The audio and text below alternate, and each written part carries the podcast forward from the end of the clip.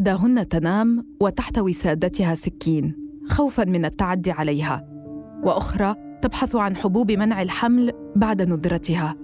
وثالثة تسعى جاهدة للحصول على مأوى آمن لأطفالها بعد مقتل زوجها.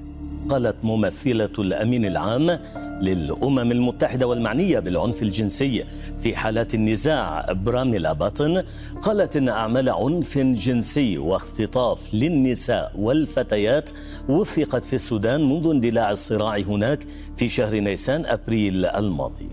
ما بدأ كصراع على السلطة في السودان منذ أكثر من عشرة أشهر. تحول إلى مأساة إنسانية متعددة الأبعاد تتجاوز حدود الزمان والمكان وسط مخاوف من فقدان طرفي الصراع طريق العودة. فأين تقف الحرب السودانية الآن؟ وهل وصلت إلى نقطة لا عوده أم أنه ما زال هناك طريق نجاة ينتظر من يسلكه؟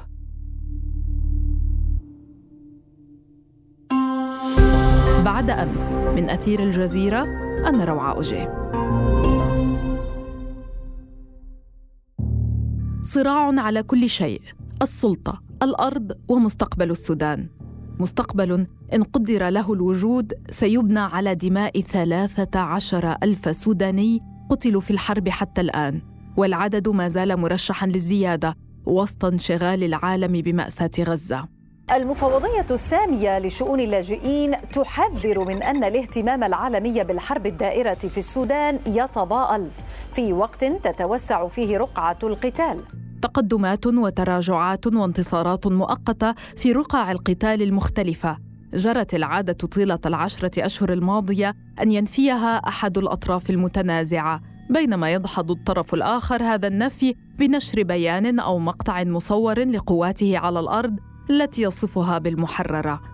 آخر تلك البيانات المتبادلة أعادت مدينة أم درمان غربي العاصمة الخرطوم إلى الواجهة من جديد.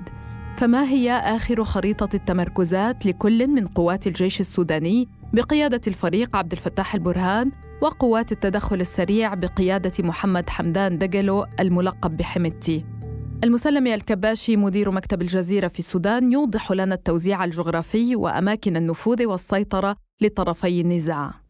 المعارك التي تجاوز الشهر العاشر تتواصل في عدد من مسارح العمليات خاصة في الخرطوم بمدنها الثلاث و آه، كذلك ولاية الجزيرة التي يسيطر عليها الدعم السريع منذ أكثر من شهرين وولايات دارفور. في الخرطوم هنالك تغير واضح في سير العمليات بانتقال آه، الجيش من الدفاع إلى الهجوم. آه، محققا بذلك الربط بين قواته في منطقة وادي سيدنا العسكرية ومنطقة آه، آه، سلاح المهندسين العسكرية.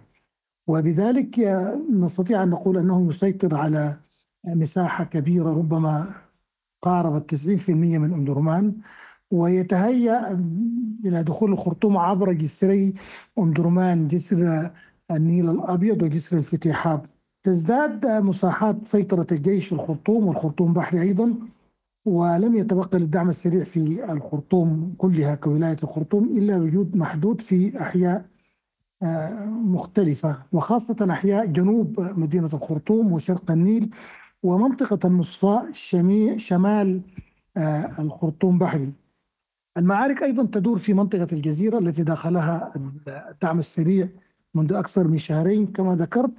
والأنباء تتحدث عن هجوم متوقع للجيش السوداني لتحرير عاصمة ولاية الجزيرة مدينة ود مدني من ثلاثة محاور. ولكن منذ قطع الدعم السريع شبكات الاتصال في المناطق التي يسيطر عليها بالجزيرة من الصعب تصيد الأخبار من هنالك وتجديدها. وإن أصدرت وزارة الخارجية السودانية بيانا دانت فيه ما أسمته هجوم الدعم السريع على قرى عديدة في ولاية الجزيرة وكذلك هجوم على بعض القرى في ولايات جنوب كردفان ومنطقة أم كدادة في شمال كردفان. المعركة مستمرة في مواقع مختلفة ولا تزال يبدو أن الوقت مبكر على الحديث عن اقتراب نهاية هذه المعارك وإن بدأ الجيش بتكتيكاته الجديدة وبأسلحته الجديدة خاصة المسيرات بدأ أن ينتقل من موقع الدفاع في معسكراته ومقراته المختلفة إلى موقع الزحف والهجوم نحو المقرات التي يسيطر عليها الدعم السريع. المسلمة آخر التقارير الأممية تتحدث عن أوضاع إنسانية في غاية السوء. أكثر من عشرة ملايين نازح ولاجئ داخليا وخارجيا وعنف جنسي وجوع وسوء تغذية يطال ما يزيد عن 25 مليون سوداني. واتهامات متبادلة من كلا الطرفين بإعاقة وصول المساعدات وانقطاع للاتصالات. ما واقع المأساة على الأرض؟ وكيف تتم الاستجابة للاحتياجات الإنسانية وإيصال المساعدات للمناطق المتضررة من النزاع؟ المعاناة الإنسانية تزداد بازدياد عمليات الاختطاف والاسترقاق والاغتصاب الجنسي. واختطاف المدنيين من مواقع مختلفة كما تم مؤخرا في منطقة طابت في الجزيرة وغيرها من المناطق المختلفة. هذه الأزمة المتفاقمة منذ بداية الحرب كان من المنتظر أن تتم مخاطبتها من خلال آه، اتفاق جدة في مايو الماضي الذي يطالب بخروج الدعم السريع من الأعيان المدنية ومنازل المواطنين وفتح مسارات آه، آه، للمساعدات الإنسانية آه، ولكن آه، هذا الاتفاق لم ينفذ وبالتالي ظلت الأوضاع تتفاقم. المعالجات كانت ممكنة ويقوم بها المجتمع السوداني هي الإغاثة للنازحين داخل السودان بالتضامن الاجتماعي عبر الاستضافات وصناعة الغذاء وتوزيعه وتوزيع المعونات المالية. ولكن حتى هذه المواجهات تواجه الآن تحديا كبيرا بقطع الدعم السريع للاتصالات في أرجاء البلاد المختلفة. وبالتالي توقفت الصيرفة الإلكترونية التي كانت يمكن أن يدعم بها المحتاجون عبر البنوك وكذا. وتزداد الماساه أيضا في مناطق اللجوء خارج السودان وخاصة في دولة تشاد. وتتذرع المنظمات الإقليمية والدولية بعرقلة القتال للوصول إلى المحتاجين في داخل السودان. ولكن آه، الجوع الذي يعني يعانيه لاجئون في هذه المعسكرات خارج السودان يفضح عجز هذه المنظمات. إذا كانت تتذرع من آه، عدم قدرتها على إيصال المعونات إلى النازحين في المناطق التي يسيطر عليها مثلا الدعم السريع أو الجيش السوداني فلماذا هي عاجزة عن مساعدة اللاجئين في الدول خارج السودان؟ المعارك السياسية الداخلية والدبلوماسية الدولية مشتعلة هي الأخرى بين الحليفين السابقين تماما مثل اشتعال صراعهما العسكري فمن جولات حميدتي الأفريقية منذ أواخر أيام العام الماضي والتي لفتت النظر فيها تلك الاستقبالات الرسمية التي تلقاها إلى توقيعه بشكل منفرد على اتفاق أديس أبابا مع الهيئة التنسيقية للقوى الديمقراطية المدنية برئاسة عبد الله حمدوك والذي يقضي بإعلان استعداد قواته لوقف كافة الأعمال العدائية بشكل فوري وغير مشروط عبر تفاوض مباشر مع القوات المسلحة بالإضافة إلى فتح ممرات آمنة لوصول المساعدات الإنسانية وتهيئة الأجواء لعودة المواطنين إلى منازلهم في المناطق التي تأثرت بالحرب. إحنا لفينا خدنا جولة في بعض الدول في إقليمنا الأفريقي وقابلنا كل الرؤساء اللي قابلناهم كلهم بيتكلموا عن السلام. مستعدين يساعدوا السودانيين للسلام ولكن لو السوداني عندهم إرادة. نحن كدعم سريع أو أنا كمحمد حمدان والمعاي لقيت الوثيقة دي فيها وقف الحرب والآن بس عليه خلاص. حتى ولو الجيش الليلة جاء جاب نفس الوثيقه دي هسه أنا بوقع عليها الآن. ولكن عشان العالم يفهم الحرب دي ما جديدة. الحرب دي منذ منذ تغيير عمر البشير. المفروض تقوم من قبل خمس سنين لكن منعناها ما تقوم. ولكن 11 15 أبريل غلبتنا. استراتيجيتان سياسية ودبلوماسية. قادهما قائد الجيش البرهان من جهته. كان أبرز ملامحها التأكيد على شرعيته كممثل رسمي وحيد للسودان بالإضافة إلى التأكيد على عدم المساواة بين جبهته وجبهة قوات الدعم السريع. ملامح ظهرت جلية في قرارات بدأت برفض دعوة حمدوك وتجميد عضوية السودان في منظمة إيجاد. ثم التنويه عما رآه الفرص الضئيلة لصمود أي حل للنزاع يأتي من الخارج بالإضافة إلى البيانات الحادة المتبادلة بين الخارجية السودانية ومفوضية الاتحاد الإفريقي إثر لقاء رئيس الأخيرة بالمستشار السياسي لقائد قوات الدعم السريع. بيانات ولقاء دفعا البرهان لاستكشاف دور مؤثر ومساند لرؤيته داخل الاتحاد وذلك خلال زيارته للجزائر.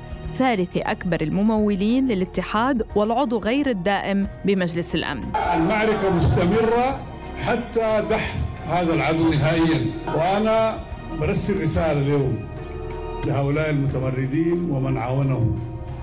أنه نحن ما حنضع السلاح إلا ضدهم ونحن ماشيين عليكم وجايينكم فأفضل أنكم تخطوا السلاح تسمعوا صوت العقل وتطلعوا الدكتور مزمل أبو القاسم الصحفي والأكاديمي والمحلل السياسي أهلا وسهلا بك كيف تقيم مواقف البرهان الأخيرة على المستوى السياسي؟ أه، تحدث الفريق الفريق أول عبد الفتاح البرهان أه، في عدة أه، مواضع خلال الأيام الماضية مشددا على ضرورة إنهاء التمرد اولا وإيقاف الحرب إما سلما بتسليم قوات الدعم السريع وخروجها من منازل المواطنين والأحياء السكنية ومراكز الخدمات ومؤسسات الدولة.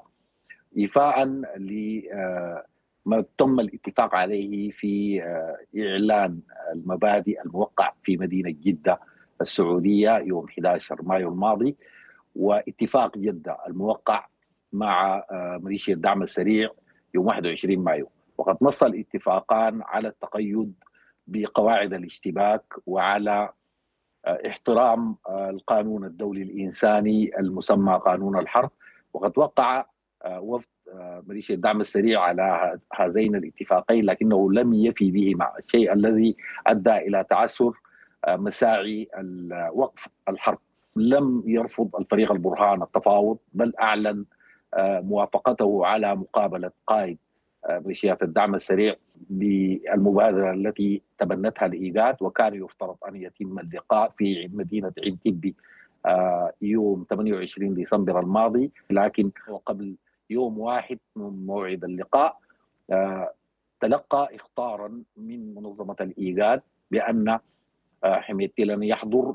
بعد ذلك اشترط وفد الجيش أن أن يتم الوفاء باتفاقين الان ذكرهما ومع ذلك دخل الجيش في تفاوض غير معلن أو تفاوض سري مع الدعم السريع في مدينة المنامة عاصمة دولة البحرين بحضور أطراف إقليمية ودولية.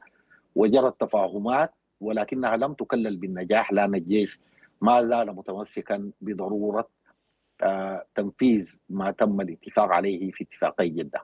وبالتالي فإن الكرة تظل في ملعب قيادة ميليشيات الدعم السريع. إذا أرادت لهذه الحرب أن تتوقف لكن الآن المشهد العسكري يشهد تغيرات مهمة وتحولات محورية بتحول الجيش من الدفاع إلى الهجوم ونجاحه في حشد قوات ضخمة. تالي أصبحت للجيش اليد العليا في المعارك الآن وربما ذلك يفسر اللهجة الواثقة التي بات الفريق البرهاني يتحدث بها عن أن النصر آت وأن الجيش منتصر لا محالة. عندما تتحدث عن جهود إقليمية ودولية هناك خمس دول عربية بالإضافة إلى الولايات المتحدة والعديد من الدول الإفريقية. كل منها كان له مسعى خاص به لوقف الحرب في السودان إلا أن ايا منها لم ينجح حتى الآن وأنت تقول أن الكرة في ملعب حميتي. من أين يستمد حميتي القوة؟ من هي الدول التي تدعمه؟ وما هي أجنداتها في السودان؟ أم هل هو فعليا يعتمد فقط على إدارته للمشهد داخليا؟ ميليشيات الدعم السريع تتمتع بدعم كبير من أطراف في الإقليم ومن دول الجوار ومن قوى دولية تريد أن تسيطر على موارد السودان وأن تتحكم فيها وأن تستولي على الحكم. ما تم في يوم 15 أبريل 2023 لم يكن لم تكن حربا أو صداما تم بالصدفه هذه هذه الحرب تم التخطيط لها بدقة على مدى شهور طويلة واستهدفت الاستيلاء على السلطة في السودان بانقلاب عسكري قوات الدعم السريع بدأت حربها فعليا يوم 12 أبريل عندما تمددت وحاصرت مطار مروي في أقصى شمال السودان. وصبيحة يوم 15 أبريل بدأت في تنفيذ مخططها الساعي للاستيلاء على السلطة. هذا الأمر نجح الجيش في في إفساده وأفشل هذا المخطط وابتدات بعدها حرب طويلة الآن تخطت العشره اشهر ولكن يعني رغم هذه الإعلانات من البرهان ورغم هذا التقدم للجيش السوداني شهدنا في الفترة الأخيرة توقيعات لتفاهمات وتعهدات بين قوى سياسية مدنية سودانية مختلفة لتوحيد الجهود لوقف الحرب وتقريب وجهات النظر بين الحلفاء السابقين. وشهدنا تحركات لحميتي إفريقيا آه، وكان في أديس أبابا. هل هناك فعليا تغير في المشهد الإفريقي؟ وفي المشهد الداخلي السوداني تجاه الصراع؟ ذكرنا أن هناك جهات آه، إقليمية وفي آه، محيط الجوار آه، السوداني تدعم هذا التمرد منبر الايجاد تحديدا اضطر السودان إلى تعليق عضويته فيه تبعا لمواقفه المنحازة للدعم السريع صح ذلك في تصريحات اعتبرها الجانب السوداني مستفزة ومسيئة وتنتهك السيادة السودانية صدرت من بعض قادة دول آه، جوار السودان. وهذه الدول آه، استقبلت آه، رجل موصوف بأنه متمرد على الشرعية في السودان استقبال الرؤساء وقدمت له دعما سياسيا. ولكن أنا أعتقد أن هذا الحراك لم يفلح في تسويق قائد التمرد.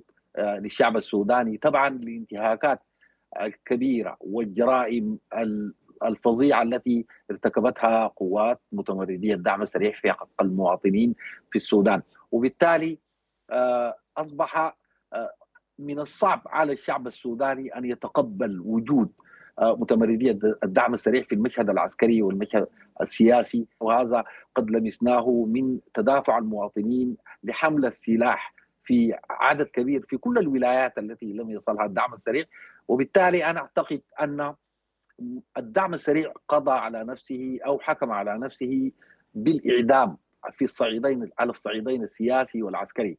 القادة العسكريون في كلا الطرفين دائما يكررون أنه لا يمكن الحديث أو الحوار قبل السيطرة على كافة الأراضي أو كما يصفونها بتعبيرهم تحرير كافة الأراضي ولكن كل الحروب حتى في حال انتصار طرف على الآخر تنتهي بحوار وبمفاوضات. وهذه الأرقام المأساوية التي تتحدث عنها آه، في السودان يعني تحتم أن يأتي الحوار ربما قبل السيطرة على الأرض، من يملك فعليا الضمير الحي الكافي حول العالم الآن؟ ليفرض حوارا عاجلا ويفرض نهاية لهذه الحرب وسط الانشغالات آه، بحرب غزة ووسط الأجندات الخاصة لكل دولة ولكل طرف ضالع في هذا الصراع، برأيك ما هي السيناريوهات الممكنة لحقن دماء السودانيين الآن؟ التفاوض لم يتوقف آه، بدأ بعد حوالي آه، أقل من ثلاثة أسابيع من آه، بداية الحرب في منبر جدة و ذلك التفاوض أنتج اتفاقين شرت لهما آنفا. لو تم الالتزام بهذين الاتفاقين لسهلت المهمة ولا توصل الطرفان إلى آه، اتفاق آه، ينهي الحرب في السودان ويخفف معاناة المدنيين، المشكلة أن الدعم السريع لا يفي بتعهدات، وهنا أنا لا أتحدث فقط على عن هذين الاتفاقين. أو عن التفاهمات التي تمت مع الجيش، بل أتحدث آه، في ابتداء عن الاتفاق الذي وقعه أو الإعلان الذي وقعه الدعم السريع مع تنسيقية القوى المدنية الديمقراطية تقدم في أديس. تعهد فيه على نفسه بأن يوقف انتهاكاته في حق المدنيين وأن يسيطر على قواته وأن يمنعها من احتلال القرى. كل تلك الالتزامات التي قطعها قائد الدعم السريع آه، حميتي على نفسه ووقع بها إعلانا في مدينة ود مدني آه، خلال الشهر الماضي آه، لم يتم الوفاء بأي منها. ما زالت ما زال متمردو الدعم السريع يتمددون في القرى ويروعون أهلها كما لم يلتزم أيضا آه، بتسهيل عمل اطقم الاغاثه وبالتالي ظل ذلك الاتفاق حبرا على ورق الشيء الذي أدخل تنسيقية القوى المدنية الديمقراطية في حرج شديد تلك القوى نفسها اضطرت خلال الأيام الماضية إلى أن تتحدث ربما للمرة الأولى بصوت عال عن هذه الانتهاكات وتطالب قادة متمردي الدعم السريع بالسيطرة على قواتهم وبإخراجها من القرى ومن المدن وبكف أياديهم عن المواطنين. رغم الألفة التاريخية للسودان مع الانقلابات العسكرية كأداة مفضلة يستخدمها الجنرالات لفرض نفوذهم على الحكم فإن البلاد تجد نفسها الآن محاصرة بين ضغوط الصراع المدار من الخارج والأزمات الإنسانية المتفاقمة إلى مستويات غير مسبوقة. فهل من الممكن أن يرتفع وعي أطراف النزاع ليدركوا حجم الدمار الذي ألم بالسودان ويسعون لإنهائه؟ أم أن التدهور الحاصل يخفي وراءه أجندات معقدة ومخططات بعيدة المدى تم التخطيط لها بعناية؟ بعد أمس. من أثير الجزيرة تابعونا عبر كافة منصات البودكاست وأرسلوا لنا أسئلتكم ومقترحاتكم في التعليقات وعبر حسابات أثير على مواقع التواصل الاجتماعي. دمتم بخير ونلتقي بعد أمس.